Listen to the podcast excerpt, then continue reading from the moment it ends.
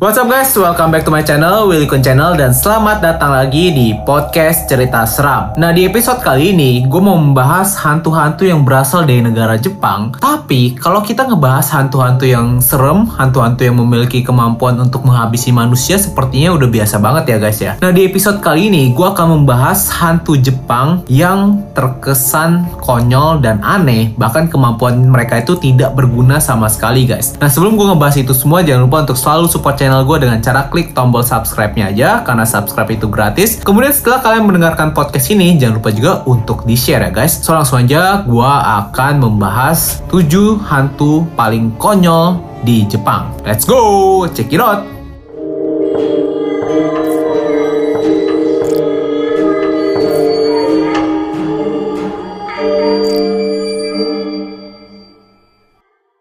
Nah, hantu pertama yang akan gue ceritakan kepada kalian bernama Noi Zizai. Nah, dari namanya aja udah aneh guys. Zizai. Kalau kayak bahasa Indonesia kayak Zizai itu jijik gitu ya guys ya. Nah, berbeda dengan Noi Izizai ini. Noi Izizai adalah hantu berbentuk manusia dengan topeng merah, kemudian kukunya itu panjang, dan dia itu memiliki kemampuan untuk menggaruk punggung manusia yang dia ganggu guys. Bener banget kalian gak salah denger, kemampuan dari hantu ini, kuku yang panjangnya itu guys, bukan untuk menakut-nakuti, tapi lebih membantu manusia. Sosok dari Nyo Izizai ini dikabarkan kalau dia itu adalah sosok hantu yang jarang ditemukan atau jarang muncul di depan manusia, tapi ketika dia muncul, dia itu akan muncul di depan manusia yang sedang membutuhkan bantuan ketika punggungnya itu gatal guys. Jadi hantu ini akan menggarukkan punggungnya tepatnya di tempat bagian yang tidak bisa digapai oleh manusia tersebut menggunakan kuku panjangnya. Dan uniknya lagi, walaupun kukunya panjang dan ketika digaruk itu tidak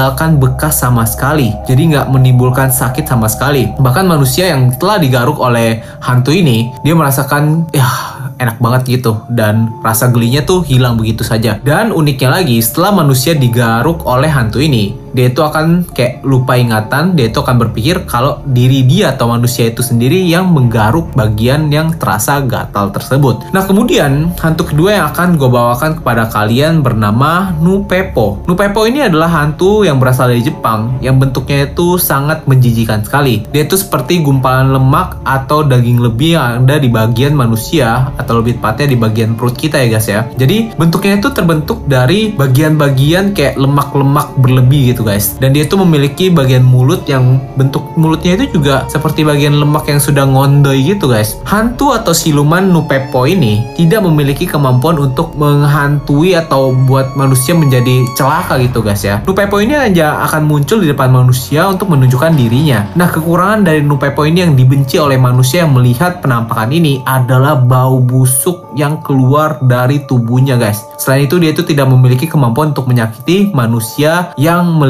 dia. Nah kemudian hantu ketiga yang akan gue bawakan kepada kalian yang sepertinya tidak berguna adalah Kasa Obake. Nah Kasa Obake ini sebenarnya adalah hantu yang lumayan sering kalian lihat di buku-buku hantu Jepang karena bentuknya adalah sebuah payung yang memiliki bola mata, mulut, dan gagang payungnya itu dia itu berupa kaki yang menggunakan sendal kayu dan dia tuh loncat-loncat jalannya. Nah, Kasa Obake ini digambarkan adalah sebuah benda mati atau benda legenda gitu ya, yang memiliki umur sekitar 100 tahun dan ketika benda tersebut telah memasuki umur 100 tahun, dia itu akan dimasuki oleh arwah yang bernama arwah si Kasa Obake ini sehingga uh, benda tersebut menjadi hidup dan menjadi siluman. Ya, kalau misalnya ada benda-benda yang masih bisa bertahan atau masih dalam keadaan utuh selama 100 tahun akan dimasuki oleh arwah ini. Nah kemudian Kasa Obake juga tidak memiliki kemampuan untuk mengganggu manusia yang melihat dia. Malah cenderung si Kasa Obake ini kalau melihat manusia, dia akan seperti menghindar untuk bersembunyi biar nggak dilihat oleh manusia tersebut. Tapi pastinya manusia melihat penampakan dari Kasa Obake ini akan merasa kayak, uh, apaan tuh? Kok benda mati bisa loncat-loncat dan memiliki muka bahkan kaki seperti itu? Pasti mereka panik. Padahal si Kasa Obake ini tidak memiliki keinginan untuk mengganggu atau menyakiti manusia yang melihatnya guys. Nah kemudian menurut gue hantu yang sedikit konyol dan aneh banget ya guys ya bernama Shirime.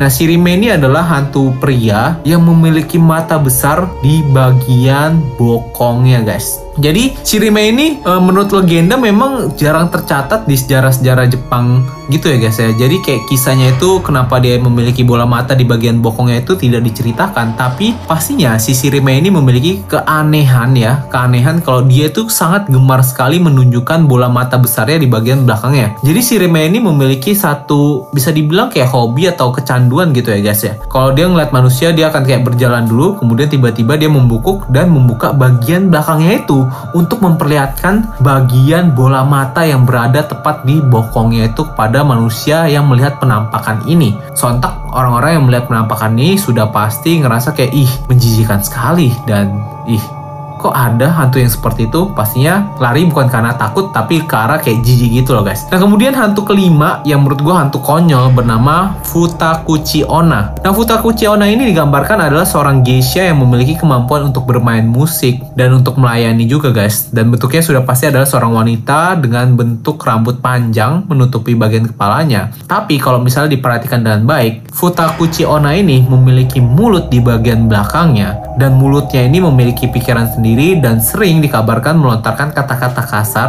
dan sering berdebat juga dengan si makhluk di depannya atau wanita geisha yang di depannya ini guys. Jadi kalau kalian melihat penampakan ini, mereka kan lebih sering kayak berdebat gitu loh guys. Dikabarkan juga penampakan ini adalah tercipta dari arwah anak-anak yang meninggal karena kelaparan karena diacukan oleh sang ibu sehingga nantinya menjadi penampakan ini. Nah, kemudian penampakan yang ke-6 bernama Makura Gesi. Makura Gesi ini berbentuk seperti orang tua kecil kerdil gitu, kemudian mukanya ini seperti orc atau troll gitu ya guys ya. Seperti kayak manusia hijau gitu, memiliki bola mata besar. Nah, keanehan dari Makura Gesi ini adalah dia adalah hantu yang sering merapikan bantal yang kalian gunakan guys. Jadi kalau misalnya kalian tertidur dan bantalnya itu berantakan, hantu ini dia itu penampakannya bukan untuk membangunkan kalian, tapi dia malah membenarkan bantal yang kalian gunakan biar tepat di belakang bantal kalian sekali. Jadi bukan untuk menakut-nakuti kalian, malah hantu ini membantu manusia yang ingin tertidur menjadi lebih pulas lagi, tidak membangunkan, tidak menyakiti, tapi memiliki kemampuan atau memiliki keinginan untuk membantu manusia yang sedang tertidur, guys. Aneh banget ya, guys ya.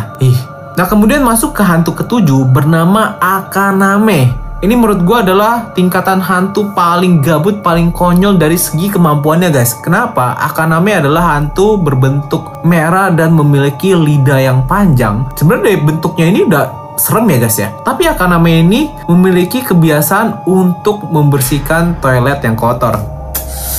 Mendengarnya aja udah kerasa gue konyol banget guys. Jadi Akaname itu adalah hantu yang memiliki rasa takut terhadap manusia. Jadi dia itu lebih pilih tinggal di WC dan khususnya ini adalah WC kotor dan dia itu memiliki keinginan atau memiliki hobi untuk membersihkan WC kotor guys. Karena dia takut terhadap manusia, Akaname ini akan muncul pada malam hari dan dia itu akan menjilati toilet-toilet kotor kalian untuk membersihkannya. Jadi sering digambarkan kalau misalnya kemunculan dari Akaname itu memiliki ciri suara dan aroma khusus. Jadi kayak aroma bau pesing gitu guys. Dan kalau kalian pada malam hari mendengar kalau dari toilet kalian terdengar suara aneh atau seperti pipa yang sedang tersumbat atau suara apa pun yang air dengan suara yang aneh yang nggak pernah kalian dengar dari toilet kalian, itu adalah akaname. Dan kalau misalnya kalian muncul melihat penampakan dari akaname ini, akaname tidak akan uh, berusaha untuk mengganggu kalian apalagi menyakiti kalian, tapi dia akan lebih memilih untuk memakan kotoran yang ada di toilet kalian sampai toilet kalian menjadi bersih. Kalau kalau nantinya toilet kalian sudah bersih, Akaname akan secara langsung, secara otomatis pergi dari toilet kalian guys. Jadi kalau kalian yang punya toilet kotor, mungkin nggak usah dibersihin kali ya guys ya. Kalian biarkan Akaname ini membersihkan untuk kalian guys. Tapi menurut gue sih, apa faedah dia menjadi seorang hantu kalau misalnya dia itu pengen membantu manusia guys? Iya gak sih? Bener gak sih guys? Gimana pendapat kalian tentang tujuh hantu yang memiliki kemampuan konyol dan cenderung tidak mau menyakiti manusia sama sekali guys? Coba tinggalin pendapat kalian di kolom komentar dan itu dia konten hari ini guys. Jangan lupa untuk selalu support channel ini biar bisa selalu menemani kalian dengan cara klik tombol subscribe-nya aja. Karena subscribe itu gratis dan jangan lupa juga ini saatnya untuk share podcast cerita seram ini kepada teman-teman kalian dan keluarga kalian ya guys. So itu dia konten hari ini guys. Thank you guys for watching dan telah mendengarkan podcast cerita seram ini. Billy Kun, sign out.